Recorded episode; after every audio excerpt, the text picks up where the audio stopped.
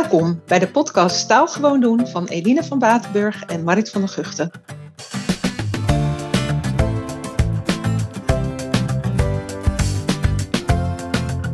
In deze podcast gaan we voor jullie op zoek naar frisse en wetenschappelijk onderbouwde lesideeën voor moderne vreemde talen in het voortgezet onderwijs. We hebben allebei een achtergrond als docent in het voortgezet onderwijs. Marit als docent Duits en ik, Eline, als docent Engels. En beide werken we ook nog als lerarenopleider. Marit op de UvA en ik op de HVA. En doen we op deze instituten ook onderzoek naar allerlei aspecten van taalonderwijs. Alles wat wij doen heeft als doel dat we daarmee het talenonderwijs nog leuker en aantrekkelijker kunnen maken, zodat leerlingen zin krijgen om een moderne vreemde taal te leren en er het nut van in gaan zien. En natuurlijk de taal leren gebruiken, want taal gewoon doen. In de eerste aflevering bespraken we uh, hoe je audio, video en tekstchat kunt inzetten om leerlingen te verleiden tot communicatie in de doeltaal. Nou, hopelijk hebben jullie in deze coronaperiode al een aantal ideeën kunnen uitproberen en zijn zowel jullie zelf als de leerlingen enthousiast geworden. We luisterden in onze uh, eerste aflevering naar leerling Dirkje, die vertelde dat communiceren in de doeltaal via video, tekst en audiochat haar hielp om nieuwe woordjes beter te onthouden. Nou, vandaag willen we dit thema verder uitdiepen. Hoe zorg je ervoor dat die leerlingen niet alleen lekker gaan praten, uh, maar dat ze ook beter worden in taal? En in deze aflevering bespreken we hoe leerlingen tijdens online interactie kunnen komen tot een betere beheersing van grammatica, ofwel grammatica leren door te communiceren. Ja, zoals in elke aflevering bekijken we het thema vanuit drie perspectieven. We praten vandaag met Marije Michel van de Rijksuniversiteit Groningen. En zij vertelt over het belang van input en de werking van alignment. En wat dat is, gaat ze straks heel goed uitleggen. En daarna praten we ook met docent Duits Katja Klein en docent Engels Moira Quinn. Zij zijn de afgelopen periode bezig geweest met het ontwerpen van online taken die het gebruik van een specifieke taalvorm uitlokken. En we horen over de ervaringen van leerling Marijn die samen met een andere leerling heeft gepraat over hoe hun kamers eruit zien. Voor die kamers gaven ze elkaar een virtueel cadeau en vertelden hierbij waar dit in de kamer mooi zou staan. Nou, de docenten Duits onder jullie zien meteen dat je bij deze taak een wisselvoorzetsel en een derde naamval nodig hebt. Spannend. Zeker weten. ja, uh, taalregels. Uh, uh, ja, die moeten inslijten. En um, nou ja, zoals alle taaldocenten weten, gebeurt dit uh, in de lesboeken vaak via de eh, PPP-methode. En dat is Present, Practice, Produce. Nou, wat bedoelen ze daar nou mee? de docent presenteert een taalregel. De leerlingen oefenen met deze taalregel in geïsoleerde invuloefeningetjes de juiste vorm invullen. En ze, leerlingen proberen die vervolgens toe te passen in een gesprekje. Maar vaak komen docenten niet toe aan die laatste fase, dus dat gesprekje. Uh, of wanneer ze daar wel aan toe komen, dan uh, zie je eigenlijk dat de taalvorm waar we, het, uh, waar we het dan eerder over hebben gehad, die gepresenteerd is, niet wordt gebruikt of niet correct wordt gebruikt. Um, ja, en dat is natuurlijk ontzettend jammer, want om leerlingen taalregels te laten gebruiken in communicatie, moeten ze ook leren om deze taalregels te gebruiken in communicatie. Ja, dat klinkt tot nu toe logisch, Marit. Want volgens mij wat jij zegt is, we moeten leerlingen laten oefenen terwijl ze communiceren. Precies. niet, niet los daarvan, maar terwijl ze met elkaar in gesprek zijn, daar moet die taalregel eigenlijk beheerst gaan worden. Maar nou zit daar wel een klein addertje onder het gras. En dat is dat wij mensen van nature helemaal niet zo bezig zijn met taalregeltjes of correctheid. Natuurlijk wel als we braaf onze taallesjes maken, wanneer juf of meest dat vraagt, maar niet als we echt aan het communiceren zijn. Um, dan zijn we eigenlijk alleen maar bezig met onze boodschap uiten en ook met die van de ander begrijpen. En dat betekent eigenlijk, wat mij betreft, twee dingen. Um, als je naar de lesboeken kijkt, dan, dan denk je soms uh, dat er wordt uitgegaan van een toepassingsgarantie. Ja. Ja, maar hoezeer je ook hamert op die vierde naamval of op zinnen ontkennend maken, zodra je leerlingen loslaat in een taak, gebruiken ze de taal die ze eigenlijk al kennen en beheersen en die al geautomatiseerd is. En niet taal die ze nog maar net aangereikt hebben gekregen en die nog helemaal in hun werkgeheugen vasthangt. Je kan eigenlijk je mentale energie maar één keer uitgeven. En in dat geval blijft de boodschap in eerste instantie altijd belangrijker dan de vorm. Ja, dat klopt, Eline. Want ik moet hier eigenlijk denken aan uh, de, de Franse taak voor Wie is de Mol. En wat je daar zag, is dat leerlingen zo druk bezig zijn met het ontmaskeren van de mol, dat ze helemaal niet meer bezig zijn met het Franse vragen het voornaamwoord in de verleden tijd. Nee, inderdaad. Ja, dat is een voorbeeldtaak. Uh, die is ook op de website straks terug te vinden. Uh, um, die geschreven was voor Frans A2-niveau. Uh, eh, en waar leerlingen als dolle honden door elkaar heen bezig waren om in het Frans te ontdekken wie de mol was. En dat was zo leuk dat die taalregel ze gestolen kon worden. maar goed, ik ga terug naar mijn punt. wat betekent het nou dat we eigenlijk niet zo bezig zijn met regels in ons hoofd? Dat betekent ook dat wij leerlingen moeten helpen om aandacht te hebben voor vormaspecten. En dat gebeurt niet automatisch. Hiervoor hebben we in ieder geval taken nodig die die vormaspecten ook echt uitlokken. Nou, dat wordt in de literatuur form-focused taken genoemd. Bijvoorbeeld, je kan eigenlijk geen goede getuigenverklaring afgeven als je geen bijvoeglijk naamwoorden gebruikt. Of ja, krijg je huis maar eens verkocht op Funda als je geen bijvoeglijk naamwoorden gebruikt. Er zit dus een koppeling tussen wat je wilt zeggen en het soort taal dat daarvoor nodig is.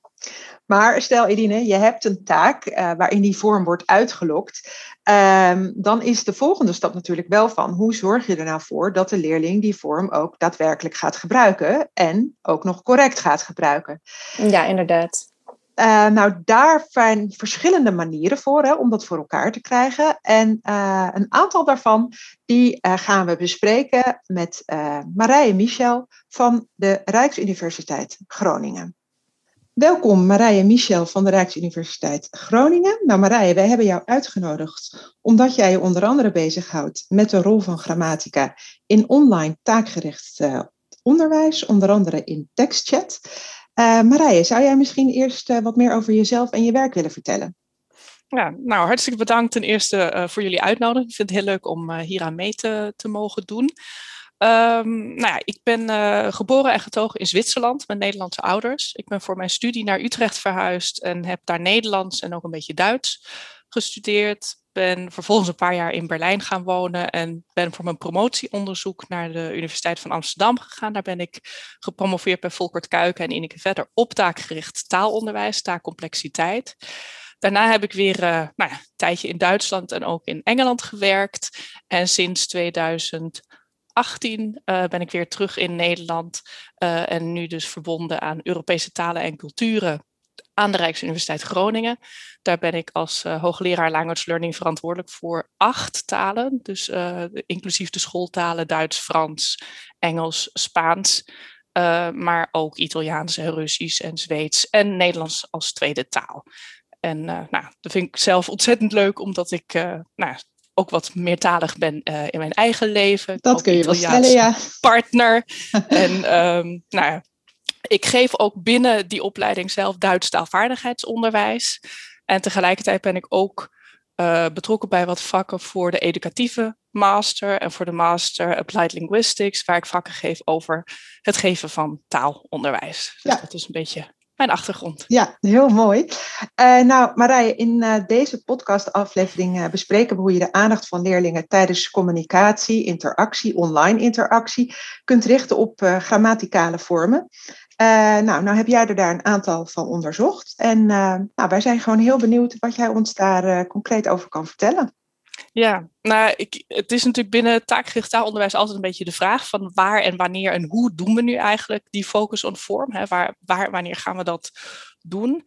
Ik heb mij in mijn onderzoek uh, nou, op verschillende aspecten gericht, maar een van de dingen die ik echt heel interessant vind is um, eigenlijk hoe je de grammaticale structuren kunt aanbieden aan het begin van een taak en dan toch authentieke interactie kunt uitlokken. En dat heb ik gedaan met name door middel van uh, alignment taken. Alignment betekent dat je um, in een gesprek, uh, eigenlijk dat doe je heel erg van nature, neem je elkaars uh, structuren, woorden, um, maar ook de, de gebaren en, en, en oogbewegingen, zo neem je over. Dus als wij met elkaar in gesprek zijn, is het heel normaal om op een gegeven moment dezelfde woorden te gebruiken. Dus ja als voorbeeld, als ik zeg van nou, ik heb net een, uh, een nieuwe sofa bij IKEA gekocht, dan uh, kun je natuurlijk van, oh, welke kleur heeft jouw bankstel? Maar het is veel natuurlijker dat je eigenlijk doorgaat en ook het, uh, nou ja, wat misschien dan een beetje vreemd woord sofa verder gebruikt, omdat ik dat geïntroduceerd heb. En zo pas ik dat eigenlijk ook toe in de taken die ik ontwikkeld heb. Dus dat ik in de input talige structuren aanbied en erop vertrouw dat leerlingen dat ook oppakken van elkaar en met elkaar. En, zou je, en dat is dan ingeschreven tekstchat. En um, zou je eens een voorbeeld kunnen geven van zo'n uh, zo'n tekstchat-taak? Ja, nou, ik heb het uh, samen met studenten ook wel um, in verschillende talen gebruikt. Dus samen met Laura Stiefenheuver hebben wij gewerkt met Spaans als doeltaal. En daar hebben we ons gefocust op uh, subjunctief. Nou, subjunctief is uh, typisch zo'n vorm die leerlingen um, nou, soms wel kennen, maar vooral heel erg vermijden. Dus ze weten van, nou, oh ja, dat was iets, het was ook alweer ingewikkeld en uh, nou laten we dat maar gewoon niet doen, want dan kunnen we er ook geen fouten mee maken. nou, wat ik samen met Laura gedaan heb, is um, we hebben toen eigenlijk een taak ontwikkeld die helemaal uh, rondom de film La Zona uh, speelde. Het is een film over uh, nou ja, een, een, gated community in Mexico. En rondom die film, die leerlingen moesten kijken of, of mochten kijken, um, hebben we een aantal tekstchat-taken gemaakt.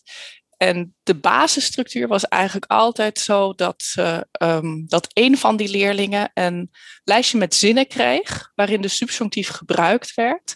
En dat er gevraagd werd van nou, als je nu in interactie bent met je medeleerling, gebruik een paar van deze zinnen.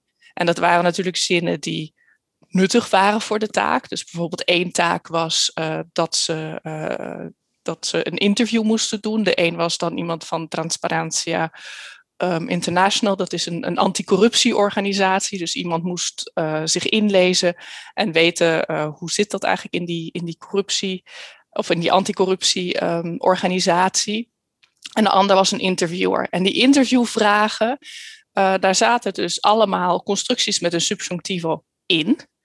En wat we eigenlijk wilden kijken is in hoeverre dan degene die het antwoord geeft ook een subjunctief gaat gebruiken.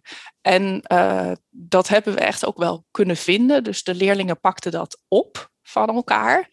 En niet alleen, uh, niet altijd helemaal correct. Hè. Er zaten natuurlijk ook ja. wel, denk ik bij dat het niet altijd klopte. Maar over het algemeen uh, was dus um, was het zo dat ze vaker een context creëerden. Dus ze, ze vermeden het veel minder vaak uh, dat ze het vaker gebruikten en ook vaker correct gebruikten. En het zijn kleine verschillen die je ziet, maar het was wel een heel duidelijke trend. En in principe is het een, uh, toch een vrij nou, een vrije communicatieve taak. Je zegt, ga ja. met elkaar in gesprek over, of doe dit interview met elkaar. Um, dus ze, ze, waren wel vrij in het soort inhoud en het soort antwoorden dat ze gaven. Uh, maar doordat je dus aan de een zegt, gebruik een paar van deze zinnen, triggert dat eigenlijk het gebruik van hetzelfde soort structuren bij de ander. Oké, okay. en ik heb een vraag, want dit klinkt heel interessant. Dit was een uh, taak die je uh, in een onderzoekssetting hebt gebruikt. En uh, je vertelt dat een manier om dan ervoor te zorgen dat leerlingen die structuur gaan gebruiken, is, je had zinnen gegeven die ze, zou, die ze zelf konden invoeren. Um, ging daar ook nog iets aan vooraf? Uh, ik zit even te denken in de context van een klaslokaal in plaats van een onderzoekscontext. Um, kan ik me voorstellen dat, uh, dat een docent kan niet zomaar koud zijn leerlingen in zo'n taak gooien. dus uh, hebben jullie daar iets in onderzocht of heb je daar een tip voor hoe docenten dat zouden kunnen doen in de klas?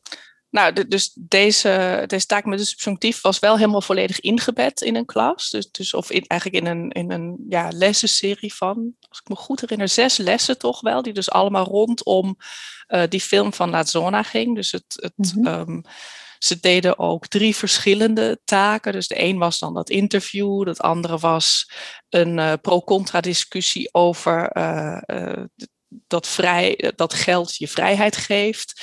En we hadden nog een derde taak, daar moesten ze um, een goede uh, hoe heet het, uh, titelsong kiezen voor deze film.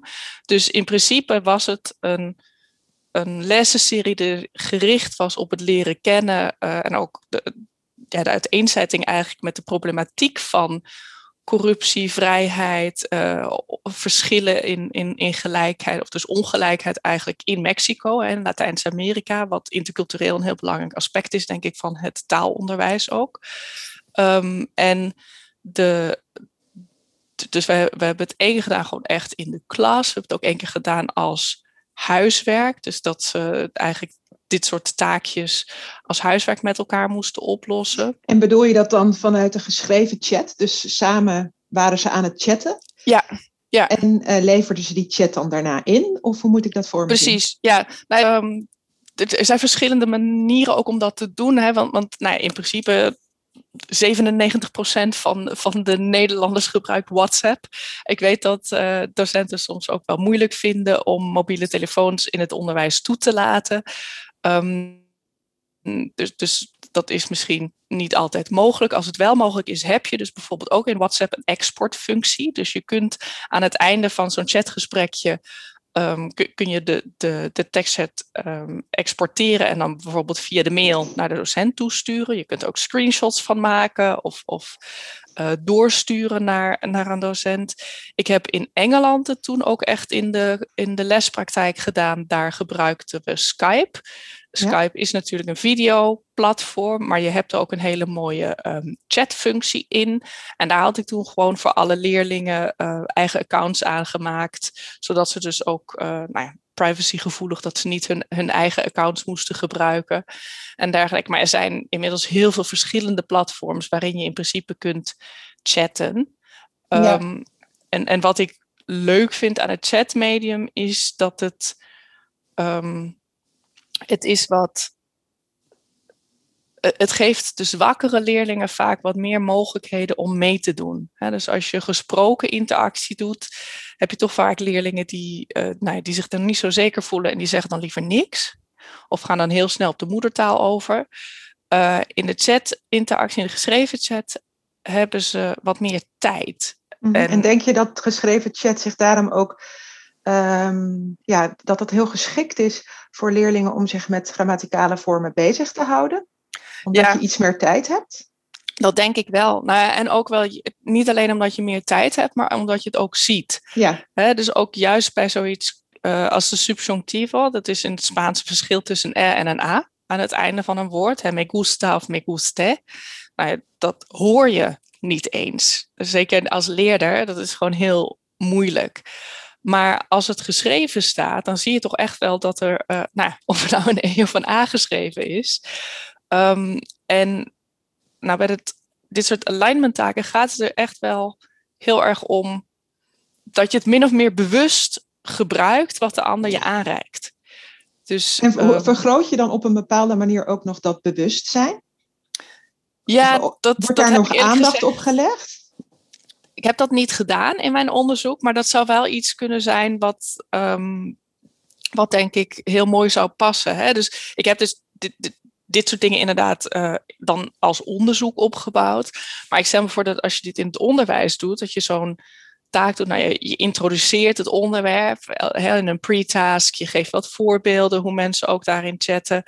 Um, zou je daar bijvoorbeeld, sorry Marij dat ik je ontbreek, zou je daar bijvoorbeeld ook echt dan al instructie geven op die subjuntivo? Of is nee. dat nog niet het geval? Nee, dat is misschien wel belangrijk nee, voor zou, docenten. Ik zou de, uh, nou, de, een beetje ook vanuit de taakgerichte filosofie, denk ik, met de instructie toch wachten totdat ze het zelf gedaan hebben. Ja. Um, en dan bijvoorbeeld als je dus gechat hebt en dan die chat kunt downloaden aan het eind of met screenshots kunt werken, dat je dan nog een keer de leerlingen ernaar laat kijken en gaat zeggen van nou kijk eens, kijk nog eens goed naar die werkwoordsuitgangen. Waar hebben jullie nou eigenlijk, hoe hebben jullie ermee gewerkt? Dus dat je eigenlijk zo ook de focus on vorm doet, dat je zegt van oké, okay, wie heeft nou eigenlijk waar welke vorm gebruikt en waarom hebben jullie ja. dat gedaan? Kun jij, uh, uh, wat ik zelf wel eens in, in workshops heb over dat focus on form, aandacht voor grammatica en communicatieve taken, dan hoor je wel eens het verwijt van ja, maar in die taakgerichte aanpak, daar komt die uh, focus on form, die komt zo laat. Is dat dan geen mosterd na de maaltijd? Nou, zelf um, vind ik altijd dat je niet als een taak alleen moet doen, maar dat je een taak is toch ook een cyclus van verschillende taken. Dus um, eigenlijk de post-task van de ene taak is ook alweer de pre-task van de volgende taak. Ja. Dus um, ik geloof ook heilig in het concept van uh, task repetition, hè, het herhalen van dezelfde taak. Uh, waardoor je dus eigenlijk ook kunt zeggen van nou laat het ze eerst even uitproberen. Laat, laat het ze doen. Laat ze kijken hoe het, uh, hoe het uitpakt. Dat is natuurlijk ook het idee van dat als je zelf ermee bezig bent, dat je merkt van hé, hey, ik wil dit eigenlijk zeggen, maar het lukt nog niet helemaal zo goed. En dat je dan dus ook beter vatbaar bent voor de instructie. Dus op het moment dat je zelf gemerkt hebt van ik kan het eigenlijk nog niet precies zo uiten als ik het zou willen, dat dan dus eigenlijk ook een uitleg, juist die focus en vorm, beter aankomt. Maar ik denk dat het dus wel belangrijk is dat je daarna in een volgende taak met een misschien oud of met een iets uh, net een iets uitdagendere context, uh, dat je het dan nog een keer kunt doen, dat je een tweede kans krijgt eigenlijk. En dat, dat, dat is uh, iets waar denk ik leerlingen veel aan hebben. Ja, nou hebben wij het, ik zit even goed mee te luisteren en uh, Marit en ik hadden het voordat jij aanschoof bij dit gesprek al gehad over het gebrek aan toepassingsgarantie. Hè? Dat er wordt heel veel aandacht eigenlijk besteed aan, uh, aan het aanbieden van taalvormen vooraf en eigenlijk ook te vaak misschien nog wel zonder het echt te gebruiken. Um, zou, zouden we zo ver kunnen gaan om te zeggen, nou laat dat gaan en het gaat echt over die, uh, het punt zoeken waarop leerlingen er klaar voor zijn? En want dat is eigenlijk wat jij net zegt. Nou, als ze het één keer gedaan hebben, dan staan ze ook open voor die, voor die input. Is dat een belangrijk onderdeel van deze cyclus? Ja, nou, nou wat bij die taken die ik gebruik, wat ook wel belangrijk is, is dat um, we hebben tot nu toe nog niet zoveel bewijs dat het een manier is om leerlingen iets nieuws te laten leren. Dus het is uh, misschien ook veel meer een methode hè, van die chattaken die dan bouwen op alignment, om iets dat ze al kennen te oefenen en toe te passen. Um, dus om echt iets te doen wat ze nog nooit gedaan hebben, dat, dat, ja, daar kan ik gewoon eigenlijk te weinig over zeggen. Daar is, daar is niet genoeg onderzoek naar gedaan of dat ook werkt. Maar zoiets als die subjunctivo, dat was echt zoiets, ja, dat, bij, dat als je, nou, dat was B1, B2 niveau, nou dan heb je dat gehad. Je weet het, maar het is echt, wat ik net al zei, eigenlijk iets wat je vaak vermijdt, omdat je weet dat het lastig is. En um, het is dus een manier om leerlingen iets te laten toepassen. Eigenlijk toch via die automatische alignment, anders kiezen er niet strategisch voor. Maar als je het 500 keer aangeboden krijgt in het aanbod van je medeleerling, is het gewoon heel natuurlijk om het op te pakken. Ja. Um, dus het is vooral, denk ik, geschikt om iets te oefenen wat je al aangeboden gekregen hebt of wat je al ja. geleerd hebt. Oké. Okay. Ja, nou, dat... Oh, sorry, uh, Eline. Nee, ga je gang, Marit. Nou, dit is uh, wel een mooi bruggetje uh, naar ons volgende onderwerp. Want uh, we gaan het namelijk met twee docenten, Moira en Katja, hebben over ehm, nou ja, hoe je de aandacht van leerlingen op grammaticale vormen richt in audiogesprekken en in geschreven chat.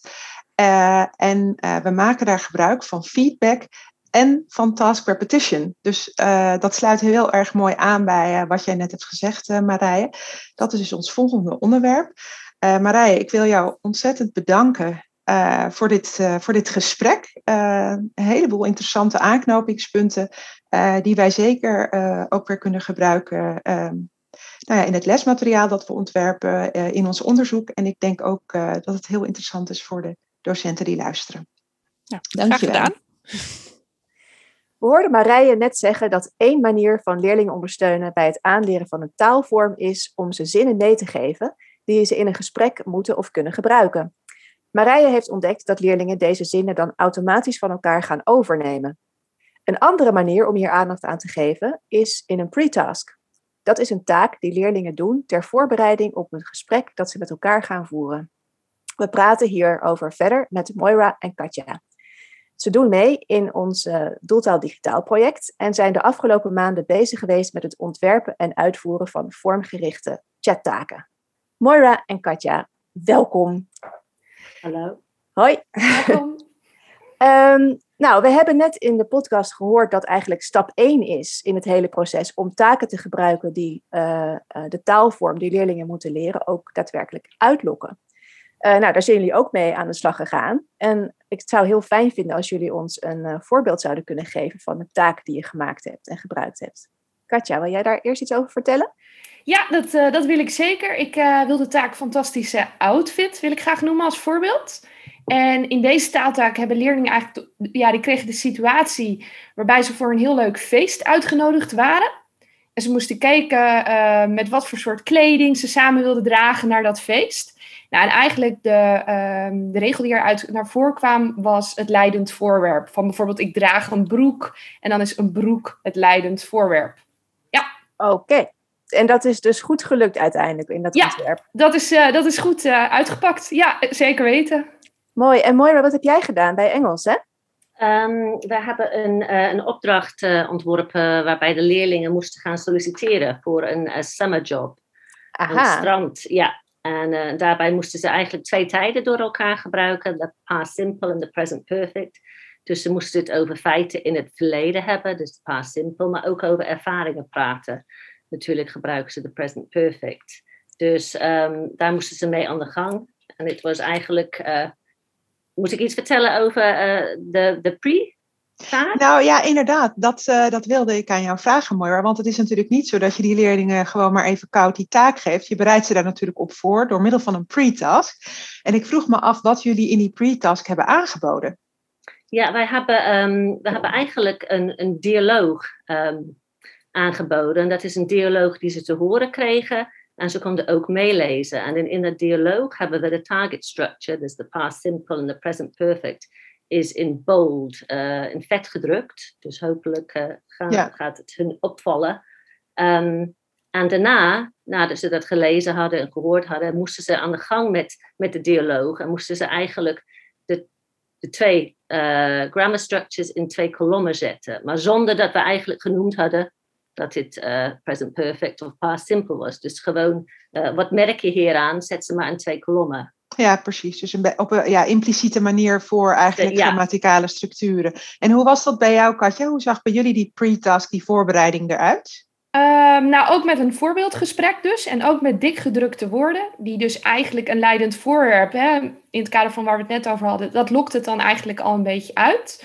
Maar zonder eigenlijk dat we nog echt het uitgelegd hebben wat het leidend voorwerp is.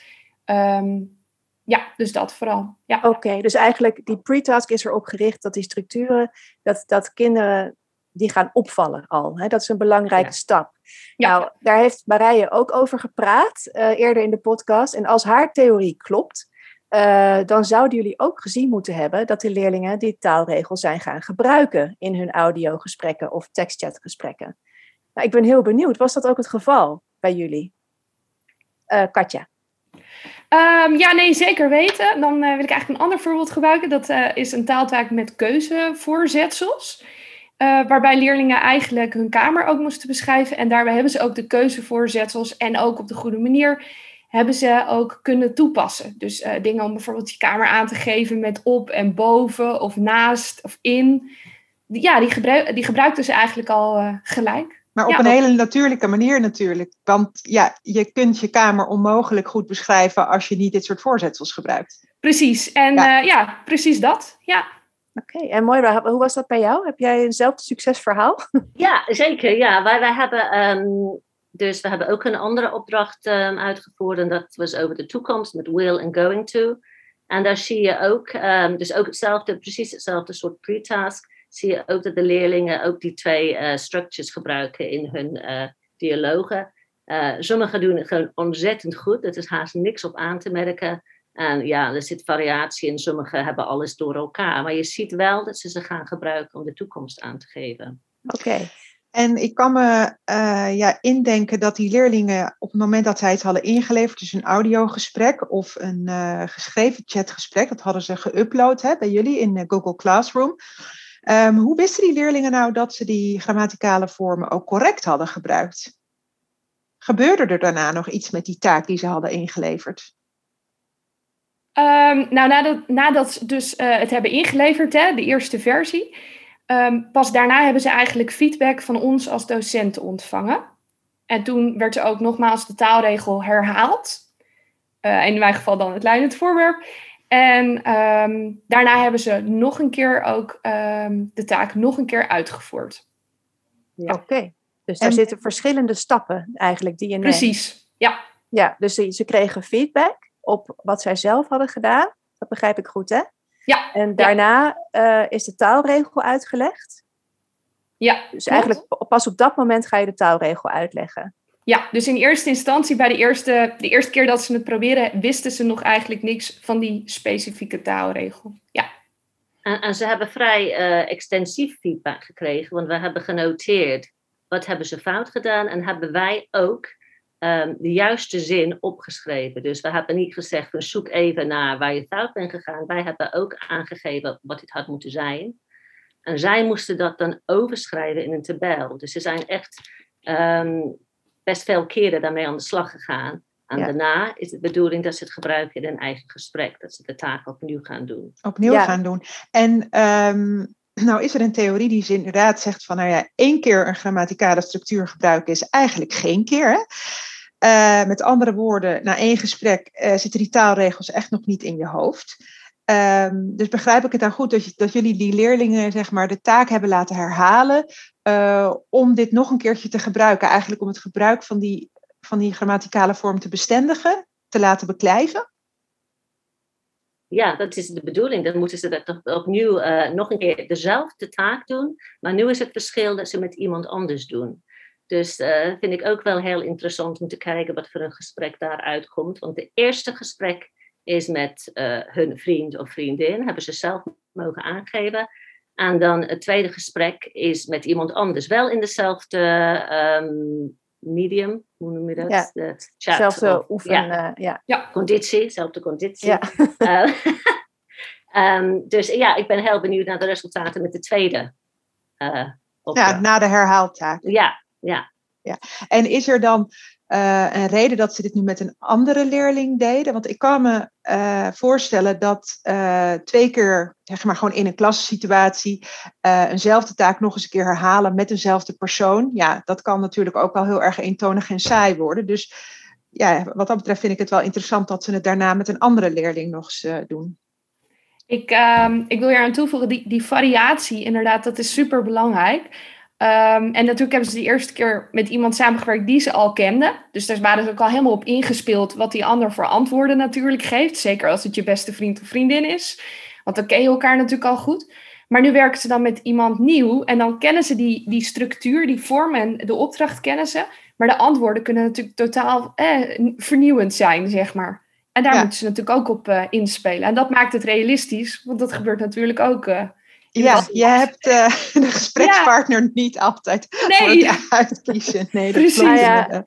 En zo blijft er ook een reden bestaan om met elkaar in gesprek te gaan. Hè? Want anders dan valt dat element weg. En dat, eh, dan gaan ze ook niet meer zo hard lopen, denk ik. Nee, je, Ja. je moet een echte nieuwsgierigheid hebben naar de antwoorden van de ander. Ja, Precies.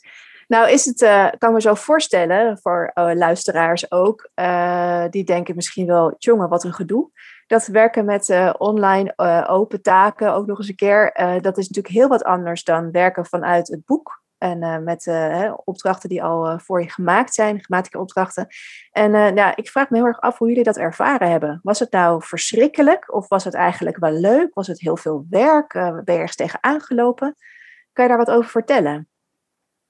Nou, ik, ik vond dit ehm, eigenlijk eh, heel verfrissend om zoiets te doen. En dat merk je ook aan de leerling. Dat je eigenlijk eh, niet meer in het boek, en niet meer met het boek bezig bent en iets heel anders. En ik denk dat ook, omdat ik het heel leuk vond om te doen, ja, jouw passie, dat, dat is een beetje infectious. De leerlingen gaan daarin mee. Mhm. Dus het was, ehm, ik vond dit een opdracht die wel energie gaf. En dat eh, denk ik, ik heb nog niet eh, feedback van hun gehad, maar tot nu toe wordt alles wel netjes ingeleverd. En, ehm, en dat, dat is al een goede teken, denk ik. Ja. Ja, zeker. Ik, eh, ik wil eraan toevoegen, ik vind de meerwaarde eigenlijk nog veel belangrijker. Als ik zie dat leerlingen eigenlijk echt gemotiveerd bezig zijn, omdat het realistische opdrachten zijn. Ze moeten met elkaar samenwerken. Ehm, het is vergelijkbaar met hè, andere situaties die bij hun ook voorkomen. Ja, dan, dan zie ik eigenlijk de meerwaarde meer. En dat het ook een afwisseling is in de les, dat, dat ben ik eens met Moira. Dat, eh, ja, dat maakt het leuk. En het maakt het ook leuk om in de klas uit te voeren. Kost misschien, hè, de, het is soms zoeken naar de juiste vorm. Maar ja, de meerwaarde, dat, dat, dat vind ik het ook wel waard.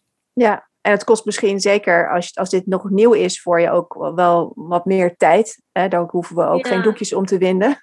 Maar ik, ik denk zeker in dit online en dit lockdown-periode, deze, deze opdrachten waren echt perfect om thuis uit te voeren. Misschien beter, omdat ja, je, je, was er wel uit het oog.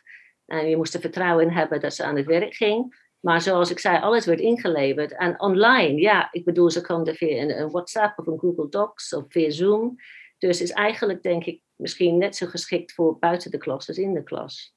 Ja. ja, en het is ook meteen een hele natuurlijke manier van communiceren. Want eh, de ene leerling zat uh, inderdaad thuis en de ander was op school. Nou, en om dan contact met elkaar te hebben, doe je dat uh, via een audiogesprek of via een tekstchatgesprek. Dus wat dat dus, betreft was het een hele normale, natuurlijke situatie. Moet ik nou concluderen dat we ook een goede oplossing hebben gevonden voor het probleem van hybride lesgeven? ik denk het eigenlijk wel. Uh, maar goed, dit waren natuurlijk de docenten. We zijn ook heel benieuwd hoe de leerlingen zo'n taak hebben ervaren. En Katja's collega Paul uh, heeft dat voor ons nagevraagd. En we luisteren even naar Marijn. Hey Marijn, uh, de afgelopen week heb je de taaltaak Uberrassum uitgevoerd. Eh, dat heb je twee keer gedaan. En eh, in deze taak moest je je kamer beschrijven eh, met een klasgenoot. En daarna moest je ook nadenken over wat je zou willen geven aan die klasgenoot voor, voor zijn kamer. En waar dat in de kamer nou het beste zou kunnen staan. Nou, mijn eerste vraag is, hoe heb je deze taak nu uitgevoerd? Was dat een geschreven chat of moest je, had je een audiochat? Vertel eens, hoe heb je die uitgevoerd? ja, ik heb ze eigenlijk allebei gedaan. Uh, geschreven en audio. Uh, want ja, uh, dat is niet een hele bijzondere reden. We kwamen gewoon niet uit. Dus ik, iemand moest twee keer en ik vond het niet erg. Oké. En ik, ik vond het eigenlijk alleen maar leuk. Dat doe je ook gewoon met vrienden en zo. Dus het was wel leuk om. Ja, super. Dus ik heb het allebei gedaan. Ja, wat, wat vond je van deze taak? Ja, het was goed te doen. Het was ook wel leuk. Want ja, je, je chat gewoon even met nou, iemand die je gewoon aardig vindt. En dan, en, dan, en dan spreek je wat dingen af. En dan schrijf je, schrijf je er eigenlijk wel makkelijk doorheen. Of je praat er wel ja. gaat wel Oké, dus nou, je hebt wel plezier gehad, uh, hoor ik. Uh, ja. hey, en de eerste keer hè, dat je die taken uitvoerde, was je dan heel erg bezig met, uh, met grammatica en met grammatica-regels? Ja, ik was er wel mee bezig, maar meer, meer met eigenlijk met woorden zoals ja, waar, waar wat staat en zo. En niet echt met standaard grammatica-regels. Want dat ik, volgens mij, de taak die richtte vooral op, ja, dus je uitlegde waar wat stond en zo. Dus daar was ik vooral als ik mijn focus. Ja, oké. Hey, um, nadat je deze taak voor het eerste keer uh, uitvoerde, heb je een week later heb je de taak opnieuw gedaan, hè? Dus de herhaaltaak. Um, voordat je die herhaaltaak deed afgelopen week, uh, kreeg je eerst van je docent nog wat uitleg uh, over de taalregel. En je had ook feedback gekregen op je eerste uitvoering hè, van de taak. Daar ga ik ook jou wat over vragen. Uh, allereerst even over de feedback. vond je dat nuttig? Uh, voor, uh, voor het uitvoeren van je herhaaltaak? Uh, ja, ja, zeker. het was, ik heb het ook goed kunnen gebruiken. Het is altijd fijn. nou, je wil natuurlijk altijd beter doen de tweede keer. En ja, dat kon, het, lukt, het lukt heel makkelijk. Ik werd er gewoon op gewezen wat, wat er nou beter kon. En dat kun je gewoon heel makkelijk aanpassen in zo'n gesprek en zo. En ja. dat is ook niet heel veel moeite. Alleen het is wel altijd fijn dat het kan. Ja, hey, om daar een beetje op door te vragen. Kun je herinneren welke van de, wat van de feedback je nou uh, heel erg nuttig vond? Een voorbeeldje geven? Kun je, heb je het onthouden? Of? Uh, ja, ja ik, ik, ik kon er wat uh, uitgebreider op ingaan. En ook vooral op waar wat stond en zo. Ja. En met die, ja, met die, die keywoorden eigenlijk gewoon. Met ja, hier en daar en achter en voor. Ja, ja precies. En daar ja. heb ik, nou ja, dat kon ik wel makkelijk. dat was fijn. Dat heb ik ook goed kunnen gebruiken in de tweede keer. Nou, uh, super natuurlijk om te horen. Uh, nu nog even een vraag over uh, die grammatica weer. Hè? Bij die tweede keer hè, dat je die taak uitvoerde, bij de herhaaltaak, was je nou ehm, meer bezig met het, eh, nou, het correct gebruiken van die taalregel, van die grammatica? Kun je er iets over zeggen? Ja, ja ik, ik niet echt eigenlijk. Niet, ik was natuurlijk wel mee bezig, alleen ook wel meer bezig. Want de eerste keer was ik er niet, niet tot tot bijna niet mee bezig. Dus wel meer, alleen nog steeds niet echt, uh, ja, ging ik niet, was dat niet echt mijn eerste focuspunt. Ik deed gewoon hetzelfde als vorige keer. Met de, met de feedback die ik had gekregen en uh, dat lukte aardig. Ja, oké, dus je hebt ja. ook niet echt, zeg maar, een soort van last gehad van dat je je, eh, je gedwongen voelde om allemaal grammatica nee, correct nee. uit te voeren. Dus nee. ik hoor, dat hoor ik nu aan je. Nou, Nee, leuk om te horen. hey, uh, dankjewel Marijn. Ja. We hebben vandaag veel ideeën gehoord. En het blijft natuurlijk een zoektocht. Uh, maar we kunnen jullie wel alvast wat handvatten meegeven. Als je nou denkt, ja, Jotem, ik wil dat ook uitproberen. Nou, wat kunnen we je dan meegeven aan, uh, aan stapjes? Marit, wil jij eerst wat vertellen? Nou, ik denk, ja, grammatica uh, leren doe je door te communiceren. En nou, dus die grammatica leer je het beste door leerlingen de vorm te laten gebruiken in een communicatieve situatie. En daar hebben we net hele mooie voorbeelden van gehoord. Uh, dit kun je online doen, dus via een video, audio of chatgesprek. Uh, maar dit kan natuurlijk ook uh, gewoon face-to-face in de klas. Ja, dus stap 1 is zoek een goede taak. Of maak een goede taak hè, die die vorm uitlokt. En voordat de leerlingen dan zelf met de taak beginnen, helpt het om een pre-task te hebben. Daar hebben we net mooie voorbeelden ook van gehoord. Um, waar ze bijvoorbeeld een voorbeeldgesprek bekijken en beluisteren uh, waarin de taalvorm ook gemodelleerd wordt en voorkomt. Nou, die kun je extra benadrukken. We hoorden het voorbeeld van vetgedrukte woorden of je geeft het een kleurtje. Zo valt het in ieder geval meer op en is de kans groter dat de leerling hem ook ziet. Of je kunt, zoals Marije vertelde, zinnen meegeven waarin de taalvorm voorkomt. Want ja, vragen in de verleden tijd lokt natuurlijk ook antwoorden in de verleden tijd uit. Nou, na de uitvoering van de taak is het wel belangrijk uh, dat er een soort follow-up is. Want niet van je hebt hem nu uitgevoerd en dit was het dan. Nee, er moet ook feedback komen op veelgemaakte fouten. En uh, de taalregel moet uiteindelijk nog een keertje expliciet herhaald worden. Uh, nou, als je online werkt, dan kan het heel gemakkelijk. Uh, dit kan je in, bijvoorbeeld in Google Classroom doen, zoals onze docenten hier dit uh, ook hebben gedaan. Uh, de leerlingen kunnen hun gesprekken hier uploaden. Je kan daar feedback op geven. En ehm, wanneer je dit gewoon face-to-face -face doet, ja, dan geef je de feedback achteraf in de klas.